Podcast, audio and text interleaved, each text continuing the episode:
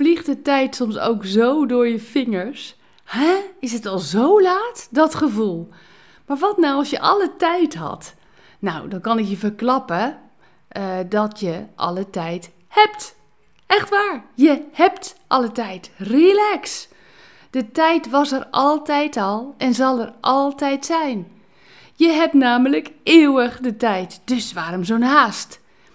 Er is een plaats waar de tijd stilstaat.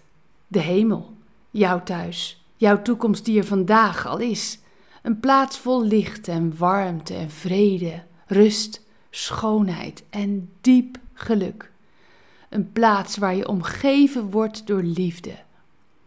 Openbaring 21 schrijft er zo prachtig over. Vanuit de hemel hoorde ik een stem luid zeggen.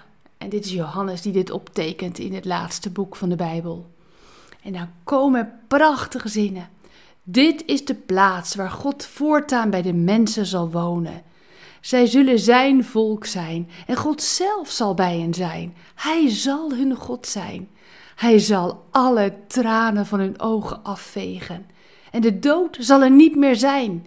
Niemand zal nog verdrietig zijn. Niemand zal nog treuren of pijn hebben, want de eerste dingen zijn voorbij. En de hemel is niet zo ver weg. Het kost je geen tijd om daar naartoe te reizen. Je hebt de hemel binnen handbereik, binnen het bereik van jouw gebed.